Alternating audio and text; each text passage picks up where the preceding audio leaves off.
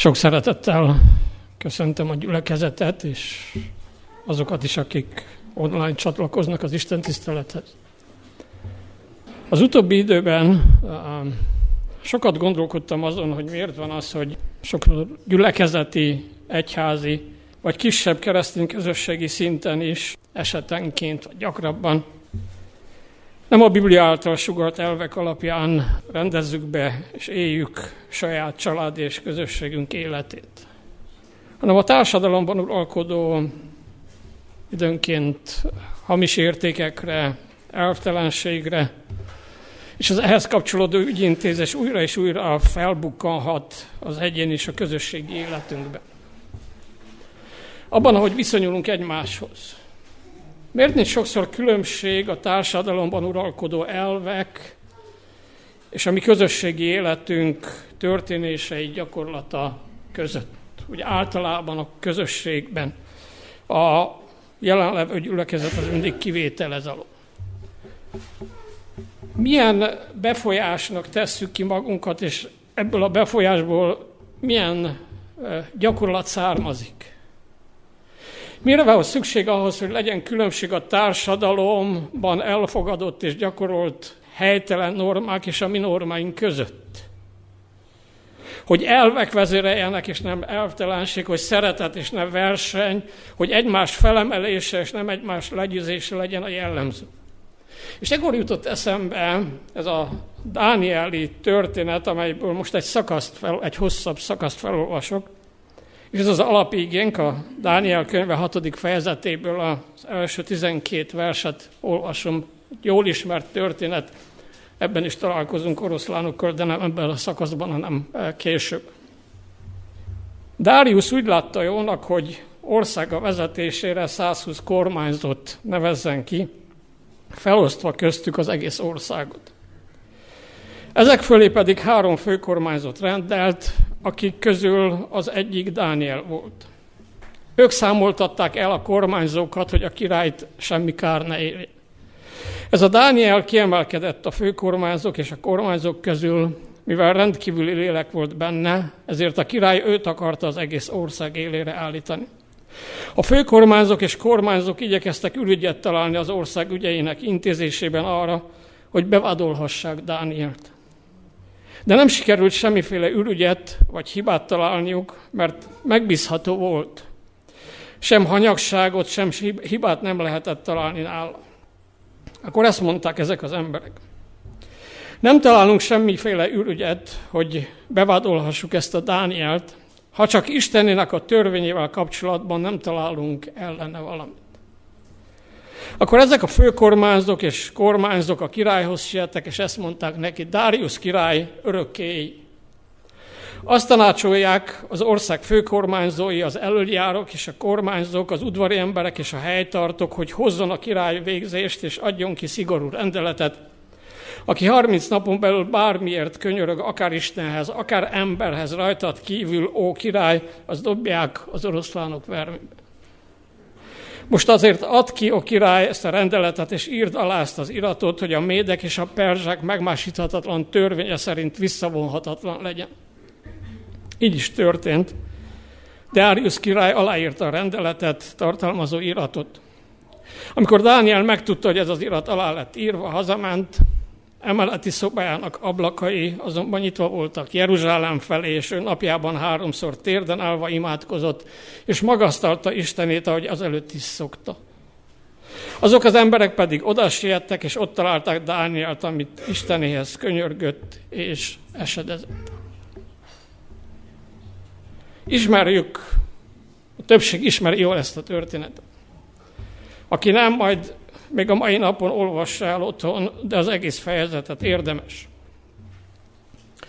Most én egyetlen, kérdés, egyetlen kérdésre keresem a választ. Mi volt a legfontosabb különbség Dániel és a díszes társaság között, amelyik el akarta tenni öt lábalon? Az is érdemes ezen elgondolkozni, mert ma is hasonló történet tetteknek vagyunk tanúi, akár a saját, vagy mások életében is. Hasonló abban, ahogy reagálnak emberek kérdésekre, hogy viselkednek. Természetesen a díszlet más, hiányzik a perzsa birodalom, hiányzik az oroszlánok verme és az oroszlánok, és folytathatnám, de az emberi akciók, reakciók, ügyintézések ugyanazok. Nem változott semmit az ember. Ha annál a képnél maradunk, amit az ígében olvastunk, akkor abban láthatjuk a legfőbb különbséget, hogy Dániel a magas emeleti szobájában dolgozott, mégpedig nyitott ablaknál, amelynél többször letérdelt naponta és háromszor imádkozott, Isten pedig mellette volt. A keresztény életmód című könyvben azt olvassuk, hogy háromszor imádkozott naponta, és Isten meghallgatta imáit, amely tanúja ismerte Dániel tiszta indokait, és midőn Dániel Isten oldalára állott, hogy őt kövesse, az Úr is Dániel mellé állott, hogy megőrizze. Ezzel szembe az ellenségei pedig a földszinten szaladgáltak. Ott próbálták megszervezni az ő, ő meggyilkolását. Mit jelent emeleten, és mit jelent a földszinten vagy alaksorban élni? Fizikai, különbség, fizikai értelemben is van különbség. Az emeletről sokkal szebb a panoráma, és sokkal távolabb látsz. A laksorban meg nem. De most a fizikai életről térjünk hát a lelki életre. Dániel magasabb szinten élte az életét. Nem úgy, hogy fölényes volt, vagy bárkit megvetett, vagy lenézett, hanem ismerte az élő Istent, valóságos kapcsolata, lelki közössége volt a mindenható. Ezt a közösséget naponta folyamatosan ápolt, azt olvastuk, hogy szokása volt. Mert ez a közösség vált olyan csatornává, amin, ő, amin át ő mennyei értékeket kapott. Aki közé Isten letette, továbbadta azoknak. Függetlenül attól, hogy az éppen a hódító volt, és őket éppen otthonról elhurcolták, nem forradalmár volt Dániel, hanem keresztény. Vagyis az Istennel való kapcsolat, az, az Isten szava alapján rendezte be az életét, és élte az életét. Napjainkra aktualizálva nem a közösségi médián található hírfolyamok, történetek, nem a bulvár média, vagy különböző politikai, filozófiai áramlatokat propagáló, kevésbé bulvár, de mindenképpen manipulatív információk alapján élte az életét, és rendezte be. Tudta, hogy ott, ahol van, ott kapott küldetést Istentől. Többlettel tudott szolgálni. Úgyhogy ezek a pogány uralkodók is kénytelenek voltak felismerni, hogy ebben az emberben van valami több. Valami más, mint az összes kollégájában, és ez használható a birodalom javára, még ha önző is volt azoknak az érdeke, mégis elismerték, hogy ő más. Mert ő nem az alaksorba élte az életét, ő az emeleten élte az életét. Olyan szépen kirajzolódik ebből a történetből, hogy mit jelent az magasabb szinten élni. Isten a benne bízókat mindig felülemeli a kicsinyes emberi szándékokon, célokon. Felülemeli, felülemel önmagunkon is.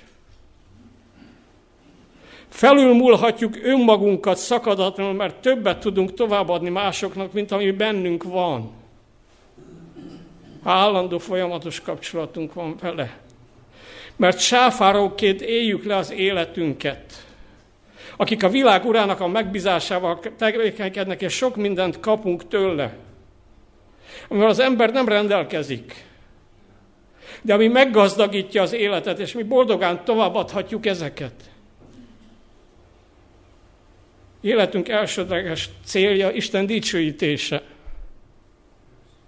A vele való közösség tudatos, rendszeres ápolása. Mert attól függ minden más, és utána a tőle kapott küld, küldetésünk végzése. És ez minőségi időtöltést jelent Isten, Istennel, az igéjével. Ezért ez befolyásolja az életünket, ha így éljük. És nem a manipulatív média eszközök és termékek által ránk zudított információ áradat és a körülöttünk élők hamis élet elve, életmódja befolyásolja. Még akkor is, ha időnk nagy részében inkább annak vagyunk kitéve. Az Istenbe bízó ember, aki naponta minőségi időt tölt a világ urával. Aki maga a szeretet, az nem magát akarja megszedni, nem a szerzésre és az élvezetre rendezkedik be, hanem az Istentől kapott áldások elvek közvetítésére, megélésére, és ez az a fontos, hogy legyen mindig mit közvetítsek, amit adjak. Ehhez kapnunk kell Istentől természetesen, hagyjuk magunkat megajándékozni, utána szívesen továbbadjuk azt, amit mi is úgy kaptunk.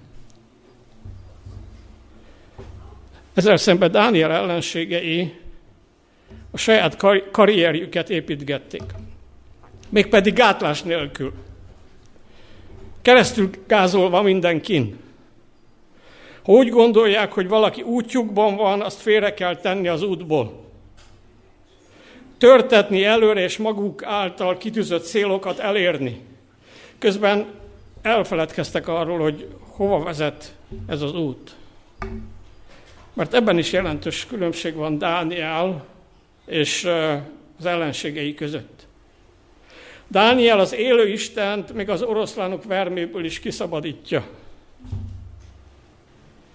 És az ellenségei még a teljes győzelmük biztos tudatában is elpusztulnak. Dániel Isten kezében vált egyre áldottabb eszközé mások javára, az ellenségei meg az ördög kezébe lettek egyre gyilkosabb eszközé mások megrontására. Dániel mindig mindenért Istennek adott dicsőséget, és ezt nem szégyelte megvallani. Ismerjük az ő élet történetét. Egyszer csak azt mondja a királynak, hogy nem én, hanem Isten jelentette meg, hogy mit álmodott a király, és, és én azért tudtam elmondani, mert nekem kapcsolatom van vele. Kapcsolatom van Istennel, értem azok kijelentését, és készséggel tovább is adom azt. Mindig Istennek adott dicsőséget, és mindig mások javára volt jelen a társadalomban, a környezetében, ahol élt. Az ellenségei a maguk dicsőségét keresték, csak a saját hasznuk lehetett, lebegett a szemük előtt. De mi nem lehetünk ilyenek. Egyszerűen másikon folyt az életük. Dániel mérhetetlenül magasabban gondolkodott, cselekezett, tervezett, mint ők. Nem úgy, hogy föléjük akart kerekedni, hiszen ő soha nem törtetett, nem helyezkedett, nem ügyeskedett. Egyszerűen végezte mindig azt, amit Isten rábízott, és Isten emelte őt egyre magasabbra. A szó erkölcsi értelmében is, meg a pozícióját illetően is. Majdnem alkirály lett. Nem ő akart az lenni, felismerték benne ezt a többletet, amit Istentől kapott, és ezzel szolgált. Ennek a magaslatnak, ahol őt Isten emelte, mély gyökerei voltak az életében, mert ő az élő Istennel való hitbeli közösségből táplálkozott. Ekközben távol állt tőle minden gőg, minden rátartiság, minden magát különbnek tartás, vagy valami felsőbbrendűségi kényszerképzet, csendesen, alázatosan szolgált. Közvetített. Adta tovább másoknak, amit Isten rábízott. Mi jellemezte az ellenségeit? Ha maradunk a képünknél, akkor azt kell mondjam, hogy ők a földszinten szaladgáltak. Össze-vissza. Sőt, sokszor az allagsorban. Homályosan, félhomályosan, sőt, egészen sötét akcióik voltak. Ők nem ismerték Istent, tésképpen nem tudtak bízni benne, ezért maradtak ott, ahova születtek. Nem volt, aki kiemelje őket onnan, aki felül, felülemelje őket önmaguknál. Önmagukon is. Persze, ha figyeltek volna Dánielre, akkor megtehették volna. Átélték azt, hogy egyedül vannak. Ha nincs mögöttük a győztes, és aki egyedül van, az fél. Aki fél, az mindig vetélytársat vagy ellenséget lát mindenkiben. És ez ma is igaz, akár gyülekezeti, közösségi szinten is igaz. Mindenki potenciális ellenség és ellenfél. Ezért agresszív lesz, és nem válogat az eszközökben. Félelmes ez az eszköztel, amit ezek az emberek itt használtak. Hazugság, csalás, képmutatás, hízelgés, csúsztatás, a hatalommal való visszaélés és gyilkosság. Valóban nem válogattak az eszközökben, és közben nem vették észre, hogy ők váltak eszközé annak a kezében, aki Jézus azt mondja János Evangélium a 8. fejezet 44. versében, hogy hazug, és a hazugság atya és emberülő volt kezdettől fogva. Gondoljunk végig ezt a történetet. Egy akkori virágbirodalom legtekintésebb tisztviselőit összehívták tanácskozni. Egyetlen feladatuk van. Hogyan lehet ezt az Istenben bízott Dánielt eltenni lábalon?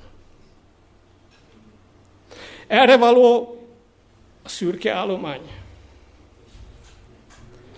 Így ráernek vezető emberek. Nincs ennél nemesebb cél, mint hogy hogyan nyírjuk ki egymást. Akkor is ez ment már, mint ami ma. Azt olvassuk, hogy berohannak a királyhoz, kirohannak, aztán kirohannak, hogy meglessék Dánielt, felnőtt állami vezetők, felső vezetők, tekintélyes emberek kukucskálnak az ablakon, vagy a kulcsjukon. Most imádkozik Dániel. Mennyire nevetséges, nem? Hogy ilyennel foglalkoznak értelmesnek tűnő emberek. Most, kell, most imádkozik, most kell rajta ütni, és rajta ütnek. Tetten érnek, feljelentenek, micsoda aktivitás Ettől, épül, ettől épült az a birodalom, ettől megy előbbre a szakma, ettől lesz jobb azoknak, akikért Isten felelősített minket. Isten nélkül csak erre képes az ember. Isten nélkül egyedül érzi magát, és akkor magának kell kezébe vennie a sorsát, a dolgait, az intézését, azok, és ez magától értetődik. Akkor igaz lesz az, hogy mindenki a maga szerencséjének a kovácsa, mert nem ismeri azt, aki az életünket irányítja, aki mindenkinek szép küldetést készített el, aki, ha engedjük, hogy kiemeljen ebből a mocsárból, amibe beleszülettünk, akkor megérteti velünk a küldetésünket. Aki ad minnyájunknak rendkívül lelket, az ő szent lelkét akkor Isten által kitűzött célok felé halad az ember. Akkor minden tőle kapott energiáját ezeknek a céloknak a megvalósítására használja. Akkor a helyén érzi magát, és nem kell félni, hogy valaki ezt a helyet elfoglalja. Azt a szolgálatot elvégzi, azokat az áldásokat, amiket neki adott Isten, továbbadja. Akkor nem kell félnie a másiktól, akkor nyugodtan végezhetem azt, amit ő a világ ura rám bízott. Ehhez azonban az kell, hogy valaki közösségben legyen, élő, állandó közösségben legyen az élő Isten. Úgy ragaszkodjon hozzá, mint az Dániel tette már tinédzser korában is. Nem 80 valahány évesen, amikor a perzsa birodalomról olvasunk, akkor már 80 év körül lehetett. Nem hirtelen 80 éves korában lett ilyen kiváló, hanem tinédzserként is az volt a maga szintjén. Amikor beiskolázták, amikor deportálták őket Babilonba, És azt akarták, hogy felejtsék el az anyanyelvüket, és felejtsék el Istenüket, ne gyakorolják a vallásukat. Ő akkor is imádkozott naponta többször az Istenhez.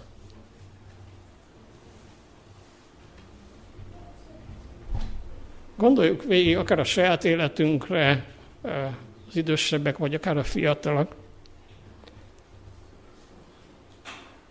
Hogyha tínédzserként áttelepítettek volna, vagy áttelepítenének egy istentelen közegbe. És azt akarják, hogy felejtsél el mindent. Akkor te mit tenni? Azt, amit Dániel? Ő akkor is megtapasztalta, hogy Isten jó indulatra hangolja meg az ellenségeit, és, és akinek az útjaihoz jó akarattal van az Úr, annak az ellenségei is jó akaróivá válnak. Ő már gyerekfejjel és szívvel egyre jobban megismerte az élő Istent.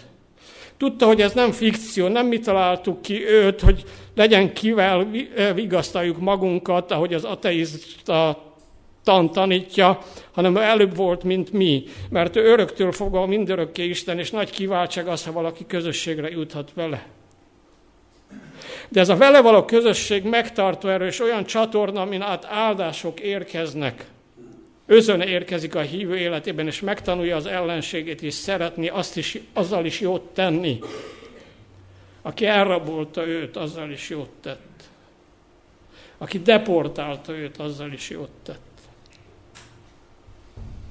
Hol voltak ettől ezek az emberek, az ellenfelei? Olvasjuk a hosszú felsorolást, kormányzók, főkormányzók, igazgatók, tanácsosok, és ezzel telnek a napok, hogy hogyan tehetünk el valakit lábalól. Hogyan csaphat, csaphatjuk be az uralkodót, közben marad a feladatuk elvégezetlen. Marad a félelem az emberben. Minél jobban bebiztosítja magát, annál jobban fél. Pontosan erre nem gondoltak, hogy fenevadak fogai között lelik halálukat. Minden másba biztosak voltak. Abba a verembe, amit másnak ástak, ők maguk fogtak, fognak beleesni. Ettől akar megőrizni minket Isten. Ez a különbség a Dánielek és az Isten nélkül akciózók között. Meg az, amit Jakab leveléből uh, olvashatunk, és az elmúlt uh, uh, ige hirdetéssel érintettem, egy fo- hosszabban foglalkoztam vele. Van, aki úgy tűnik, hogy bölcsen rendezi be az életét, mert, és Jakab azt írja, mert keserű irítség és viszálykodás motiválja a cselekedeteit, ezért hazugságot és minden egyéb eszközt igénybe vesz mind ezek az emberek, de ez a bölcsesség nem felülről jön, hanem földi, testi és ördögi, írja Jakab. Mert ahol irítség van, mint itt Dániel ellenségei esetében is, ott viszálykodás, zűrzavar és mindenféle gonosz tett megtalálható, de ha visszaemlékszünk, a felülről való bölcsesség, az tiszta, békeszerető, irgalommal és jó gyümölcsökkel teljes, nem részrehajló, nem képmutató. Amilyen Dániel bölcsessége volt. Neki felülről való bölcsessége volt. Van alulról való bölcsesség is, ez Jakab írja, múltkor is említettem.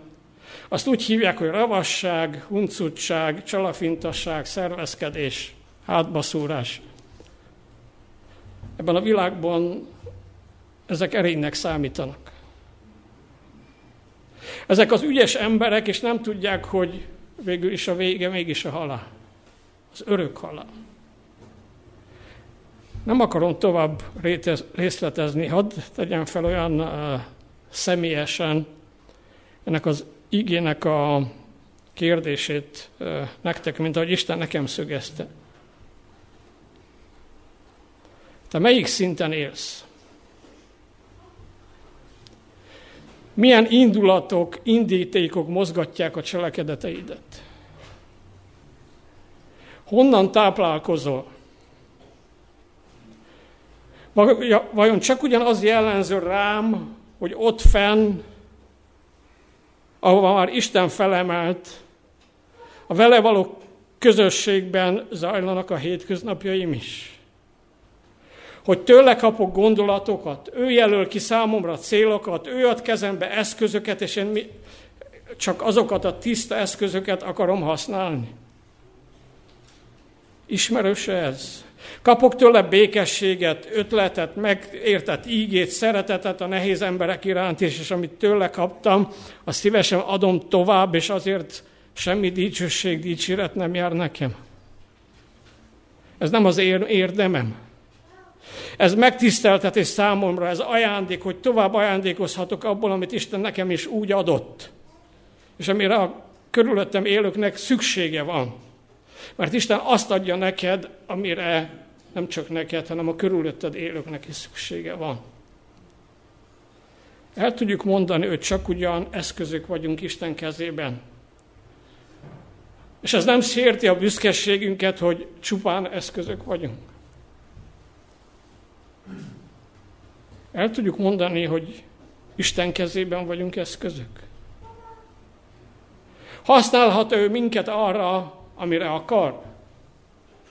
Azt fogjuk-e tenni például ma is, amivel ő akarja, hogy megszenteljük ezt a napot? Áradnak-e rajtunk keresztül áldások? Tőle fogadjuk el a próbákat is, mint ahogy Dániel? Bizonyosak vagyunk abban, hogy ő tudja, hogy mit cselekszik. Végső soron ő irányít mindent, nem? Vagy pedig mi is azt éljük át, hogy egyedül vagyok. Kiszolgáltatott vagyok. Félek. És ezért akciózom. Természetesen Isten nélkül, hiszen nem is ismerem őt úgy igazán, elméletben talán. Ha ismerném, tisztelném, rábíznám magamat, akkor nem én akcióznék, nem én szaladgálnak a földszinten. Isten nélkül árva marad az ember. És aki árva, az szükségképpen kegyetlen, mert kiszolgáltatottnak érzi magát. Ma az egyik világunk egyik ura egy ilyen, aki árva volt és kiszolgáltatottnak érezte magát, és mai napig annak érzi magát, és ennek megvan az eredménye. Nem is olyan messze tőlünk. A Biblia nagy örömhíre az, hogy Isten ilyen állapotunkban nyúlt le utánunk.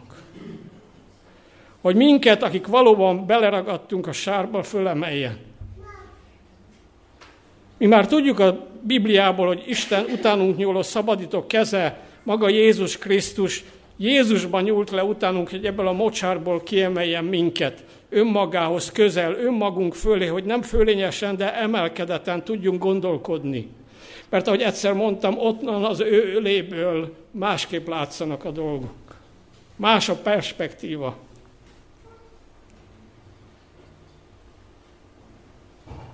hogy Isten, hogy legyen rálátásunk onnan azok közeléből az eseményekre, az életre, hogy helyesen értékeljünk, lássuk az arányokat, lássuk önmagunkat, lássuk a küldetésünket, és lássuk még a láthatatlant is.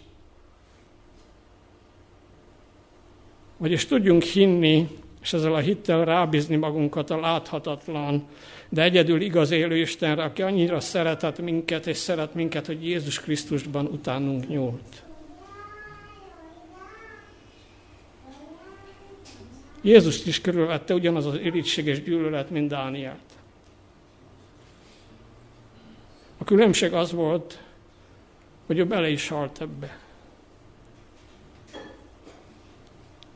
Viszont pontosan az ő keresztalála jelenti a számunkra, hogy van visszaút Istenhez. Hogy valóban ki lehet emelkedni onnan, ahol születtünk. Mert hadd mondjam azt minnyáján, ha adventista családban születtünk, akkor is mindjárt a földszínre születtünk. Sőt, az alaksorra. Hogy valóban szentélyé válhat az életünk, aminek nyitva lesz az ablaka fölfele. hogy helyreállhat a közösség Isten és az elveszett ember között, hogy tudjuk, tudjuk tartalommal telítődve mondani, hogy mi atyánk. Nem megszokásból, hanem tényleg annak hisszük, annak gondoljuk, hogy gondoskodó atyának. És ezzel a gyermeki bizalomból bízzuk rá magunkat, mint egy gyerek az atyára. Szeretném ma boldogan hirdetni, hogy senkinek sem kell az alaksori életben élnie. Ő felemel minket magához, közel, megajándékoz, és tudunk másoknak is ajándékozni. Kiemel a csüggedésből, a kétségeink közül, vagy a kétségbeesésből, kiemel a magányból, vagy a magunkbaroskodásból, Távlatot nyit a benne hívők előtt, ötűs célokat eléjük. Egyszerre tartalommal, értelemmel telítődik az ember élete. Nem azzal kell eltölteni az időnket, hogy magamat valahogy megvédjem és fenntartsam. Van atyám, aki jól tudja, mire van szükségem. És ő bőségesen megadja. Hol élünk? elszántan, elkeseredetten építgetjük a mai magunk karrierjét, akár a világi életben, akár az egyházon belül. Mit csináltott Dániel az emeleten? Imádkozott és dolgozott. Nálunk időnként ez fordító van. Először dolgozunk, aztán meg imádkozunk, hogy hozza helyre Isten, amit dolgoztunk. A során nem véletlen. Ezzel telt az életes, ezért volt tartalmas. A többieké meg maradt üres, és végén önmagukat is elpusztították. Mindannyiunknak vannak olykor anyagi gondjai. Aki nem, az, legyen, az boldog ember. Sokan küzdenek azzal, hogy szeretnének igazi társat. Vannak lakás problémák, egészségügyi problémák, munkahelyi problémák, közösségen belül feszültségek, vagy más kénytelen csinálni valaki, mint amit szeretne, mert a bűnvilágában nem ideális minden. Hol kezessük ezekre a megoldást? A földszinten, vagy az emeleten? Remélem értjük a képet. Szeretnék mindenkit hívni, felhívni az emeletre. Engedjétek, hogy Isten felemeljen, kiemeljen onnan, ahova születtünk, és ahol épp vagyunk most. Felemelni a vele való közösségbe, érezzük ott jól magunkat, és ott telítődjünk mindazzal, ami az értelmes értékeket teremtő élethez szükséges és ne az ördög manipulatív, alternatív manipulatív eszközei használjuk. Isten megígérte,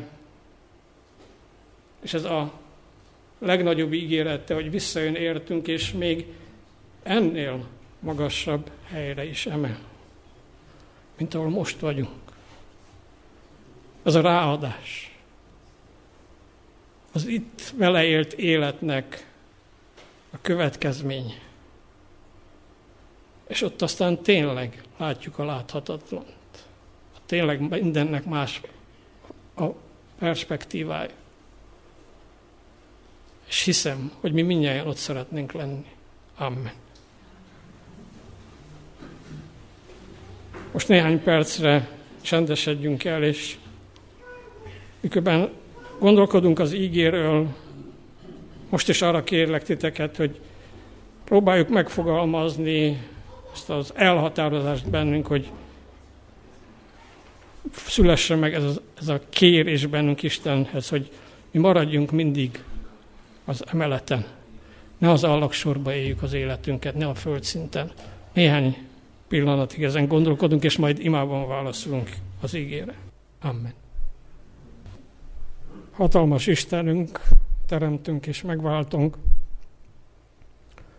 Itt vagyunk újra, és fejet hajtunk Te előtted. Köszönjük azt, hogy Te nem akarsz, és nem akartál ott hagyni, ahol voltunk, ahova születtünk. Köszönjük azt, hogy Te magadhoz akarsz emelni. Köszönjük, hogy ennek érdekében, hogy ez megtörténhessen, Jézus Krisztus, tehát a fiadat adtad értünk a Golgotán. Odaadtál mindent, a legdrágábbat, hogy mi megkapjunk mindent. Hogy mi az emeleten tudjunk élni. Hogy onnan fentről, a te közeledből, a te karjaidból lássuk az életet és annak történéseit. Urunk, bocsáss meg, ha nem ez volt ránk mindig jellemző, vagy talán most sem ez jellemző. Hogy egyedül érezzük magunkat, hogy félünk, hogy vetétársat látunk egymásban. Bocsáss meg ezt nekünk, és add, hogy itt és most, ha ez így van, megszülessen az a elhatározás, hogy megfogjuk a Jézus Krisztus által felénk nyújtott kezedet, és engedjük, hogy felemelj. Felemelj, mert ott van értelme az életünknek, ott tudunk értékeket teremteni, ott tudjuk azokat másoknak továbbítani. És azért is hálásak vagyunk, Urunk, hogy Te még ennél is feljebb akarsz emelni minket. Hogy Jézus eljön, hogy magához vegyen, hogy veled legyünk, hogy a Te közeledbe éljük az életünket. Hisszük, hogy ez megvalósul, és köszönjük, hogy ezt megígérted, Atyánk. Amen.